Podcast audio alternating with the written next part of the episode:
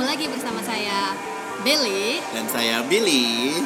Selamat, datang di Bele dan Billy Show. Eh bener-bener deh, kita kan udah ganti ya nama podcast kita kan reset terus ya gitu. Oh iya. Ya sudah. Jadi- apa-apa lah. Ya nggak apa-apa. Jadi kembali lagi di riset. Terus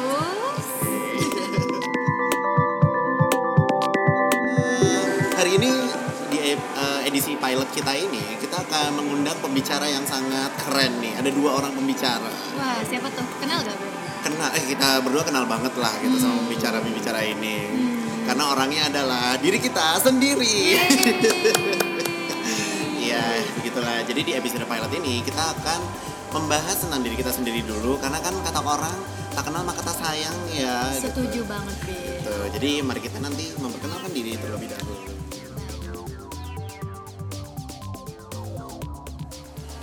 Jadi di hadapan saya ada Chris Billy Arianto yang biasa disapa oleh Billy. Ya, hai. merupakan dosen di Unika Atmajaya. Ya betul. Dan saya jadi dosen di Fakultas Psikologi Unika Atmajaya. Oke.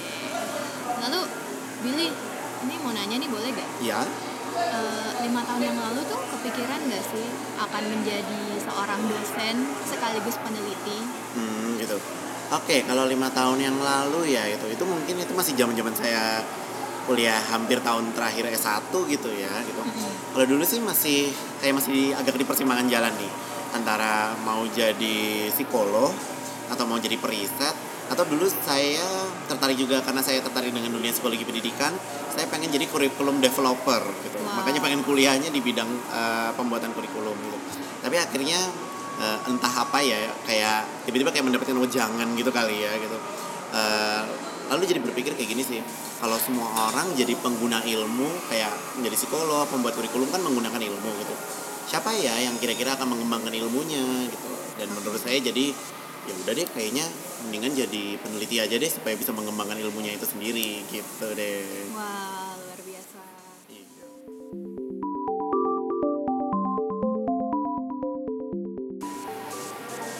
oke, sekarang di hadapan saya ada teman saya bernama Anabel Wenas dan sekarang dia bekerja sebagai periset nih. Tapi berbeda dengan saya, kalau saya di kampus, Anabel ini bekerjanya di Gojek gitu, di dalam dunia industri ya. Iya. Nah kalau Anabel sendiri, kepikiran nggak sih lima tahun yang lalu untuk menjadi seorang periset?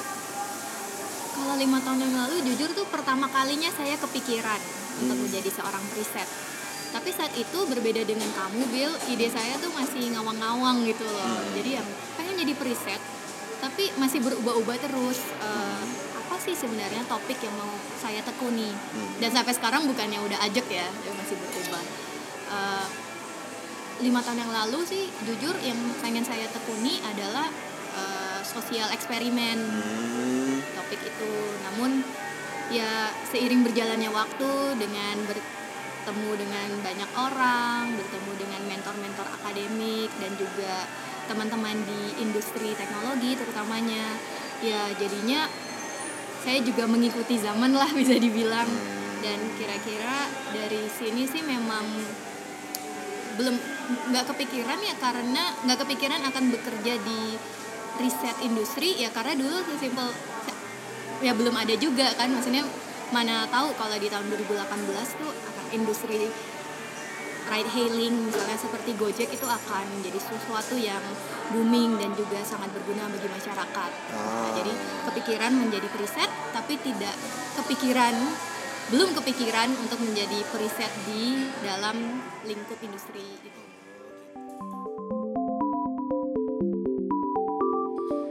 Oke nih Bel, kamu sebagai periset di Gojek itu apa sih yang kamu lakukan di sana?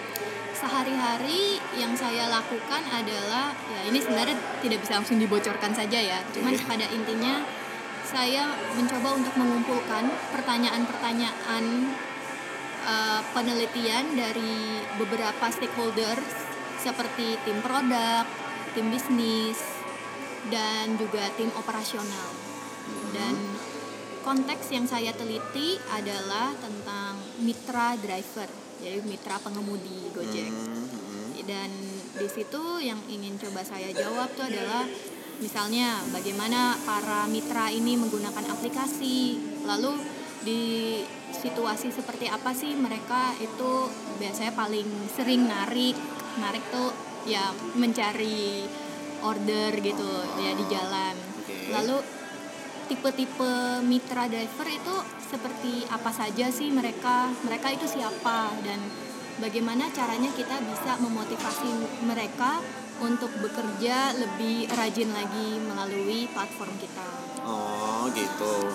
Nah kalau kelebihan dan kekurangannya nih, ada nggak sih sebenarnya menurut kamu eh, kelebihan dan kekurangan menjadi periset tapi di bidangnya industri ini? Kalau pertama mungkin dimulai dari kekurangannya dulu ya, nggak Oke. apa-apa ya. Kalau dari kekurangannya sih saya merasa sebagai seseorang yang memang suatu hari nanti ingin kembali ke dunia akademia, eh, tipe-tipe riset yang saya jalankan itu tuh sangat taktikal. Oh. oke. Jadi eh, taktikal artinya adalah eh, harus cepat cepat direncanakan, cepat dieksekusi dan langsung dipresentasi. Oh, Kar- jadi, kayak applied research gitu ya? sangat gitu ya? applied research dan untuk bisa mengerjakan suatu project dalam dua minggu aja tuh itu udah cukup lama gitu Oh oke. udah cukup lama sedangkan kalau ya seperti pengalaman S2 dulu dan juga S1 melakukan misalnya project penelitian nah enam bulan aja tuh yang wah cepet banget gitu ya Hmm. tiba-tiba sudah berlalu aja nih udah bulan keempat Oh, iya, udah iya, iya, langsung iya. ketar ketir nulis analisis data dan juga pada akhirnya kayak kesimpulan kalau berbeda dengan di industri. Jadi kenapa itu kekurangan? Kalau menurut saya ya jadinya susah untuk mencari sebenarnya topik apa sih yang menarik.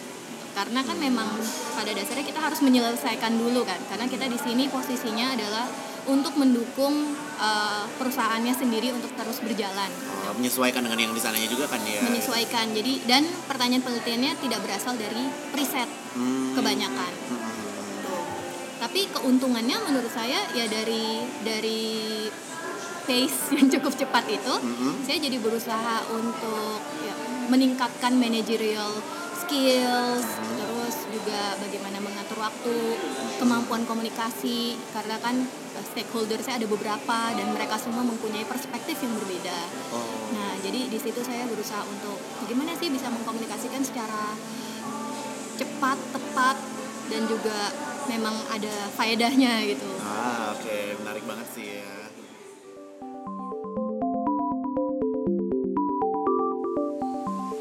Lalu bagaimana dengan kamu, Bill? Eh, secara garis besar, apa sih yang kamu lakukan sebagai dosen di Hmm. Unika Atmajaya?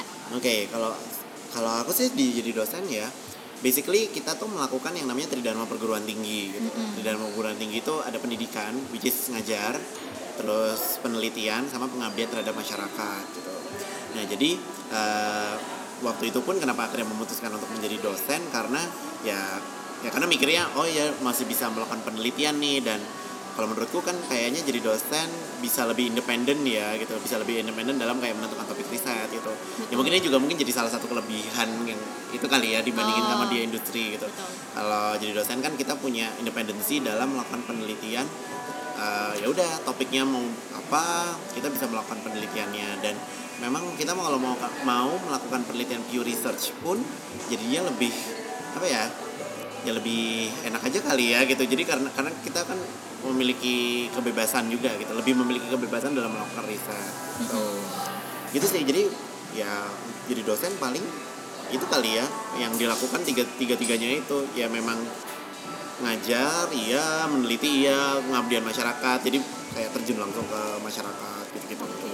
Kalau tadi kan sudah sempat dijelaskan sedikit tentang kelebihannya. Kalau kekurangannya gimana nih? oke kalau kekurangannya ya hmm, mungkin kekurangannya kekurangan waktu. Kekurangan waktu. iya kekurangan waktu untuk melakukan penelitian. Karena eh, awalnya dulu berpikirin kayak wah enak juga ya jadi dosen. Eh, apa jam kerjanya kan juga lebih fleksibel jadinya. Kalau ya kalau misalnya ada tanggung jawab ngajar ya datang ke kampus. Kalau misalnya rapat ya rapat itu tapi ternyata eh, waktu udah masuk jadi dosen banyak sekali nih hal-hal yang lainnya yang perlu dikerjakan gitu.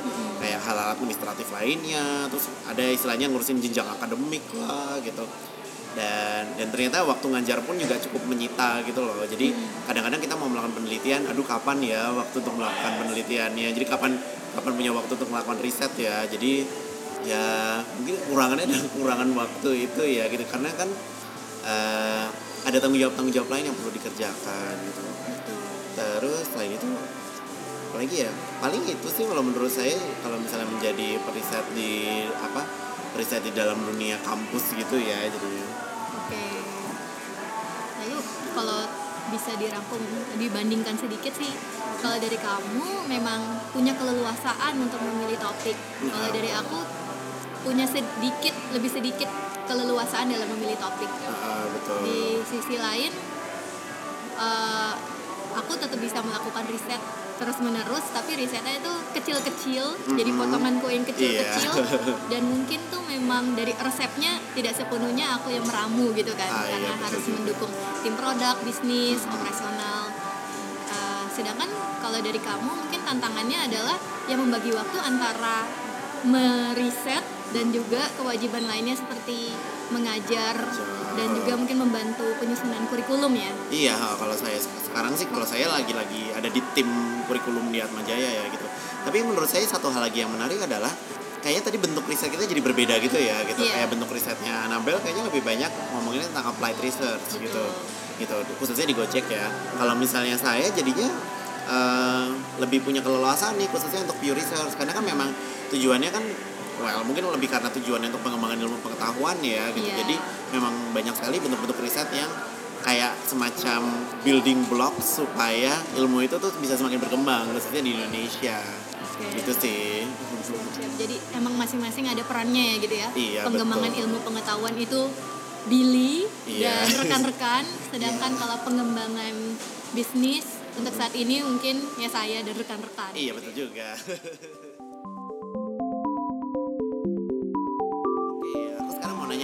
kalau pengalaman risetnya sendiri bagaimana nih Bel? pengalaman riset apa sih yang menurut kamu paling menarik nih selama kamu menjadi seorang riset Pengalaman risetnya tuh banyak banget sih Bill jujur. Mhm. Tapi ya karena sekarang bekerja di Gojek, mungkin bisa diceritakan sedikit ya tentang Mhm. pengalaman saya di situ. oke Baru-baru ini saya melakukan riset soal consumer tipping. Mhm. Jadi ya tentang bagaimana sih uh, kons- konsumen Gojek memberikan tip kepada mitra driver. oh oke Nah, jadi waktu itu karena tertarik aja ini dimulai dari suatu hari lagi mengecek data, lalu melihat kalau sebagian besar orang itu memang memberikan bintang 5 ke semua Oh. transaksi. oke Tapi dari sebagian besar, jadi kayak 90% transaksi itu mendapat bintang 5. Tapi hanya sedikit dari bintang 5 tersebut yang em, mendapat tip. oh oke Nah, tapi tip yang dimaksud di sini nih yang tip dari GoPay ya. Oh, Karena kan kalau tidak gimana kami bisa melihat Ngeceknya datanya, ya, ngecek oke. datanya. Nah, terus jadi riset yang saya lakukan adalah untuk mencoba pertama mencari tahu mengapa sebagian besar orang tidak memberikan tip walaupun memberikan bintang 5. Mhm. Nah, memang sudah ada sebagian besarnya dijelaskan oleh memang secara budaya di Indonesia itu bukan suatu keharusan untuk memberikan tip gitu kan. Tidak seperti misalnya di Amerika di mana standar persennya aja sudah diberikan gitu kan. Oke, 15 20 22 persen. Mhm. lalu yang kedua adalah untuk mencari tahu kira-kira ada tidakkah cara untuk membuat orang yang setidaknya belum pernah ngetip gitu untuk ngetip sekali saja. Jadi waktu itu saya melakukan eksperimen dan juga ternyata hasilnya Mhm. gagal Oke, gagal. Gagalnya gimana nih? jadi di eksperimen itu ternyata orang yang pada dasarnya sudah sering memberikan tip yaitu habitual tipper pada dasarnya saat diberikan nudge untuk memberikan tip setelah perjalanan atau order selesai Mhm. itu malah mereka yang meningkat jumlah pemberian tipnya bukan secara nominal tapi secara frekuensi ya Oh, oke. dibandingkan orang yang pada dasarnya tidak pernah memberi tip Oh. Nah, tapi di sini ya kalau ada tanda bintangnya kalau di iklan-iklan Hmm. itu mungkin saja orang-orang ini ya kita tidak boleh suuzon. Mungkin saja mereka memberikan tip tapi lewat cash, Ah, lewat tunai. Oke. Nah, jadi itu sih pengalaman riset yang paling berkesan bagi saya baru-baru ini Iya. dan ya sejauh ini di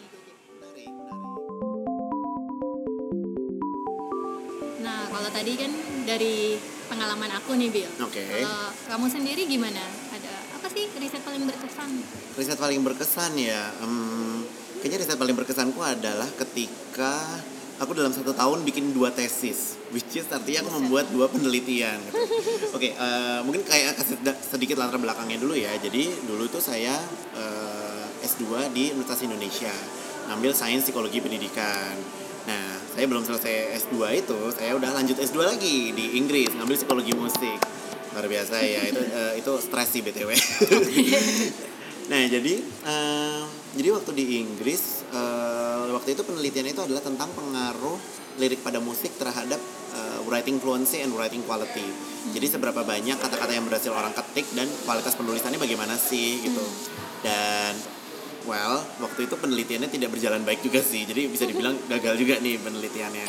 Ya banyak faktor lah gitu dari partisipannya, dari karakteristik. Harusnya semuanya native tapi akhirnya karena kurang partisipannya ya udah deh semua apa namanya semua orang yang bisa bahasa Inggris ikut aja penelitiannya gitu gitu terus habis itu eh, masuk lagi ke waktu aku pulang dari Inggris itu baru menginjakan kaki ya kayak benar-benar menginjakan kaki di Indonesia itu langsung ada pertanyaan dari supervisor di UI Billy kapan kita bisa ketemu gitu. Dan akhirnya ya sudah aku melanjutkan penelitian tesisku di UI gitu. Jadi waktu itu emang aku tinggal menyelesaikan tesis sih waktu kembali ke Indonesia gitu. Nah penelitianku di Indonesia itu adalah tentang bagaimana eh, pengaruh musik gamelan Bali dibandingin sama musiknya Mozart terhadap kemampuan spasial temporal gitu. Aduh, menarik sekali. Hasilnya gimana? hasilnya adalah ternyata ini hasilnya oh, ini tuh hasil yang membuat aku sangat bahagia sih.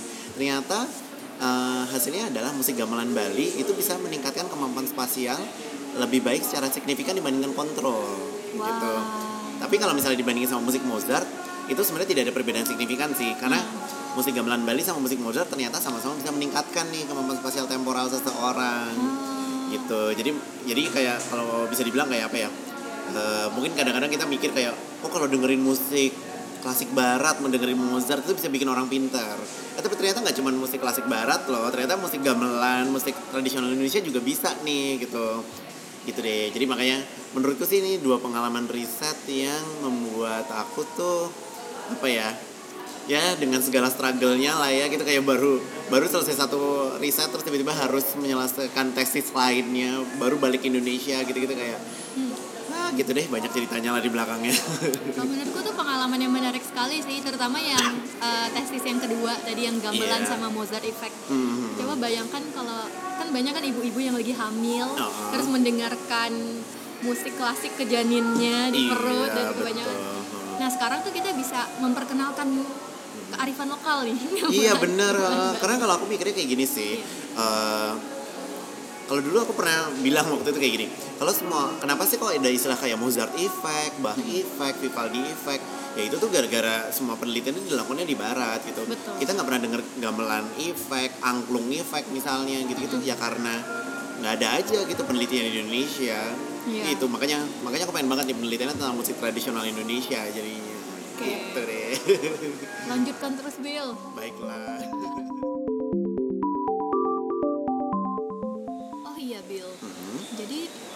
sebenarnya kalau dari observasi aku tidak begitu banyak sebenarnya eh, orang Indonesia, terutama untuk anak-anak seangkatan kita gitu ya, Mhm. yang memang mempunyai minat penelitian yang sama seperti kamu. Mhm. Ya, jadi penasaran aja sih, sebenarnya siapa sih sosok yang menginspirasi kamu untuk meneliti pengaruh musik terhadap manusia? Oke, baiklah. Eh, siapa ya? Sebenarnya kalau di Indonesia sendiri itu eh, yang satu-satunya orang yang satu dua sih dua orang yang aku kenal memang melakukan penelitian tentang musik itu ada dua. Yang satu adalah namanya Pak Johan. Pak Johan itu beliau sekarang jadi dosen di ISI Jogja sama UGM. gitu. Jadi beliau itu sebenarnya musisi, tapi dia mengambil S2 dan S3-nya di bidang psikologi gitu. Kayaknya S2-nya kayak pengkajian seni di UGM, terus S3-nya baru psikologi gitu deh. Oke. Terus satu lagi adalah Pak Monty Satya Dharma, beliau dosen di Universitas Tarumanegara. Mm-mm. Tapi dia lebih ke arah penelitiannya itu tentang art terapi sebenarnya, Oh. bukan music therapy atau tentang musik sendiri gitu. Nah kalau dari bidangku sendiri, bidangku sendiri kan adalah bisa dibilang psikologi musik kan ya. Gitu. Iya. Kalau di psikologi musik ini inspirasiku tuh lebih datangnya dari peneliti di luar gitu kali ya gitu. Oh iya. Gitu. Jadi uh, ada dua orang. Yang pertama namanya Victoria Williamson. Victoria Williamson ini kebetulan adalah supervisor saya juga sih waktu saya Wah, kuliah di Inggris gitu. suatu kehormatan. Iya gitu. Jadi sebenarnya awalnya kan saya kuliah di Sheffield University. Tapi dulu waktu waktu zaman saya baca dia punya blognya gitu, ada blognya dia dia nulis tentang psikologi musik.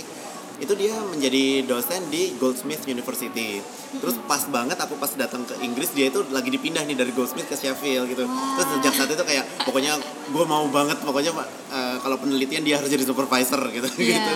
Akhirnya ya ya puji Tuhan sih akhirnya dapat beliau sebagai supervisor Mm-mm. dan iya sih beliau yang bisa dibilang kayak pertama kali menginspirasi eh, aku untuk mendalami sisi psikologi musik ini melalui blog yang dia tulis gitu karena beliau cukup rajin sih dalam menulis blognya ini gitu. oke Nah yang kedua itu adalah eh, namanya Glenn Schellenberg gitu.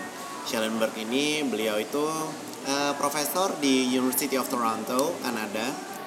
Eh, beliau menjadi inspirasi saya adalah karena saya ingin melakukan penelitian tentang namanya music cognition. Jadi bagaimana sebenarnya pengaruh musik terhadap kemampuan kognitif seseorang gitu. Hmm. Dan kayak nyari-nyari di dunia ini kayaknya beliau itu kayak prominent banget gitu loh yang bener-bener semua orang pada mensitasi dia kalau di penelitiannya, kalau di jurnal kayak nama dia itu ada di mana-mana. Jadi kayak ya Eksis pengen lah. gitu eksis banget kalau dalam dunia music cognition ini. Jadi pengen banget sih bahkan untuk dia menjadi supervisor nanti mungkin S3 gitu. Amin. Amin. semoga ya Bill Amin. Yang menginspirasi cukup banyak juga ya dari dalam dan luar negeri ter- Iya. khususnya luar negeri Iya betul. Ya gitu sih. Kalau kamu gimana Bel? Yang siapa yang menginspirasi kamu? Mungkin bukan menginspirasi kamu jadi periset di Gojek ya gitu. Tapi yang menginspirasi kamu untuk terjun dalam dunia riset ini nih. Nah sejujurnya pertama kali sih terinspirasi tuh tepat lima tahun yang lalu ya Bill Mhm. ini gak saat kita pergi ke Stanford Undergraduate Ah. Psychology Conference Iya iya iya SUPC itu kan ya gitu. SUPC bener Mhm. jadi sebelum pergi ke SUPC Hmm. mewakili waktu itu ya memang eh, aspirasi saya aspirasi karir saat itu ya masih jadi konsultan Hmm. mungkin atau mungkin jadi psikolog saya masih bingung tapi di momen itu di mana kita bisa dapat kesempatan untuk mengobrol langsung dengan Bapak Albert Bandura Oh iya, oh my Profesor god. Albert Profesor Albert Bandura. Bandura ya ampun. yang merupakan ya mungkin cerita sedikit ini dia adalah pakar dari social learning theory Hmm, betul. dan juga social cognitive theory Hmm. itu yang membuat saya wah ini kalau semua anak psikologi ini pasti starstruck gitu kalau ketemu Iya betul sih. eh, Semua orang pasti semua orang psikologi pasti kenal siapa itu Albert Bandura gitu ya gitu. betul jadi di situ yang wah apa ini pertanda gitu ya Oke. kalau mungkin emang dunia riset ini worth a shot emang perlu sesuatu eksplorasi yang lebih dalam dari diri saya pribadi Hmm. dan singkat cerita untung tuh memang ada kesempatan untuk eksplorasi enam bulan kemudian ya mengerjakan skripsi lalu mendapat pembimbing skripsi yang memang selanjutnya menginspirasi saya juga Oh, yaitu Mas oke. Hari Susianto Oh, oke. di mana dia yang yang mengajarkan lah mencoba untuk membimbing saya tentang bagaimana sih sosial eksperimen Hmm. um, itu memang dilakukan lalu setelah lulus juga ya kebetulan saya mendapatkan pekerjaan waktu itu di namanya Prophetic Indonesia yang empunya ini nih bernama Mas Robi Muhammad Ah, nah iya, iya, inspirasi iya. saya lainnya Ah, Apa? oke. Jadi Mas Robi Muhammad ini yang memberikan saya kesempatan untuk ya selain bekerja di Prophetic juga menjadi asisten dosen asistennya beliau sih Hmm, di hmm. Universitas Indonesia mengajar data analisis.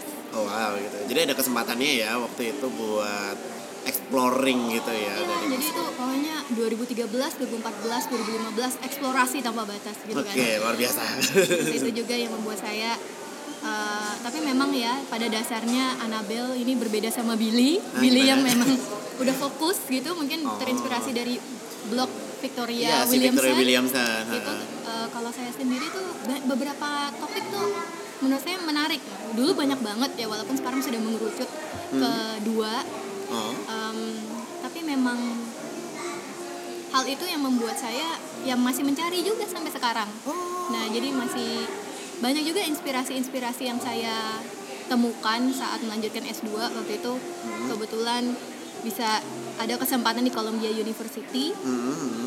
Nah, di sana juga wah kalau disebutkan semua banyak banget. Oke baiklah ketemu banyak orang-orang keren ya artinya di Iya, sana nih.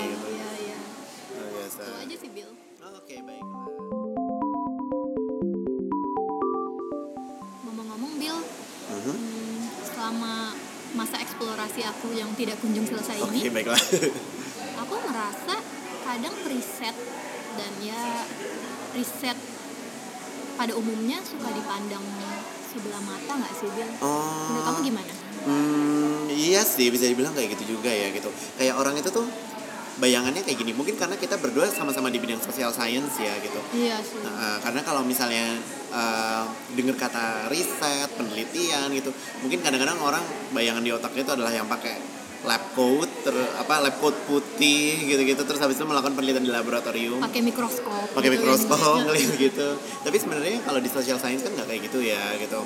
Dan ya apa ya?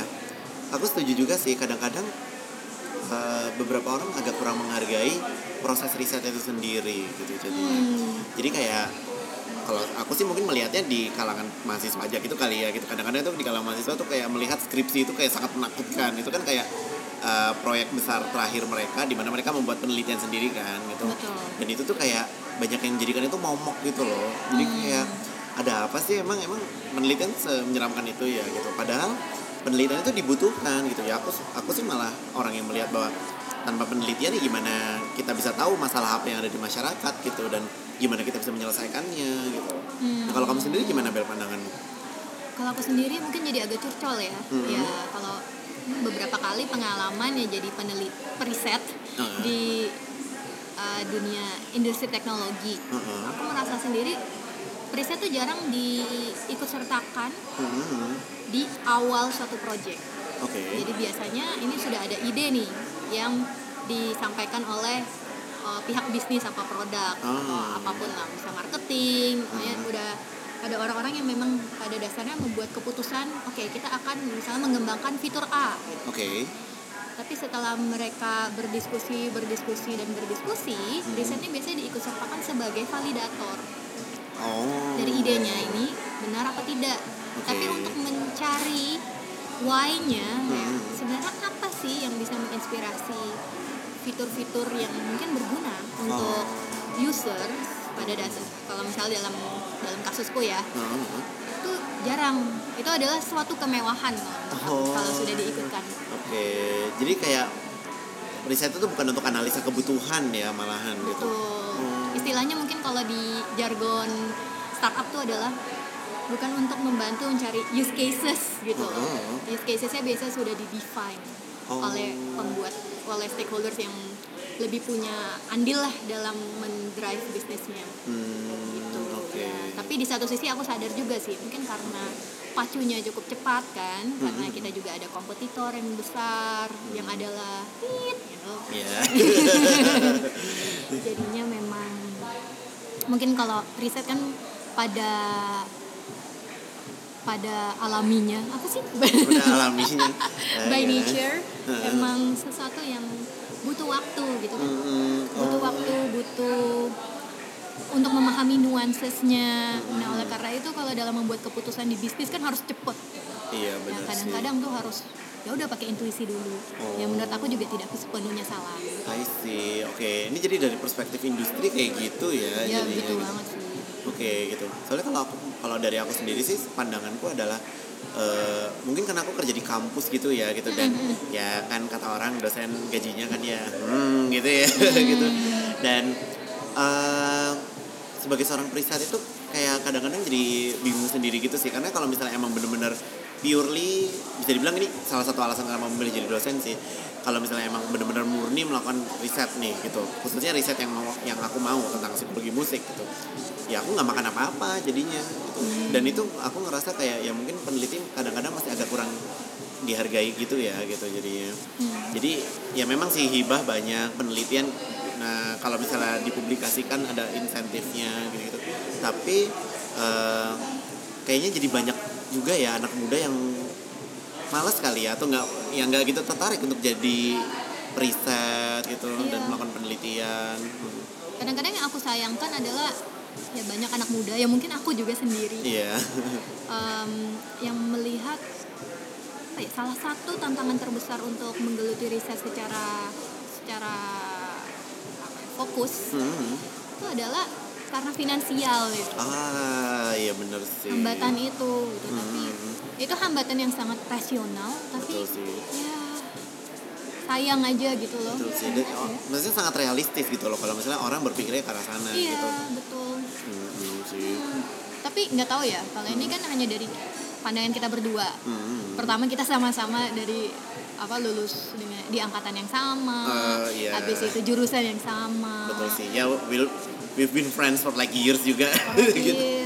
gimana kalau misalnya kita coba ngobrol sama sahabat sahabat periset lainnya Ah. ya mungkin sama-sama di akademia atau di industri tapi berbeda ruang lingkupnya Iya betul-betul menarik banget sih ya. Oke, jadi mungkin buat ke depannya ya ini buat podcast kita ke depannya bagus nih kalau misalnya kita bisa ngundang sahabat-sahabat periset lainnya. iya setuju banget Bill Oke, jadi kalau kayak gitu ya mungkin bisa dibilang tunggu aja ya para pendengar kalau ke depannya kita akan mengundang mungkin mengundang anda sahabat periset lainnya yang sedang mendengarkan gitu. iya cie Cie, ya ampun, gaul banget ya sih.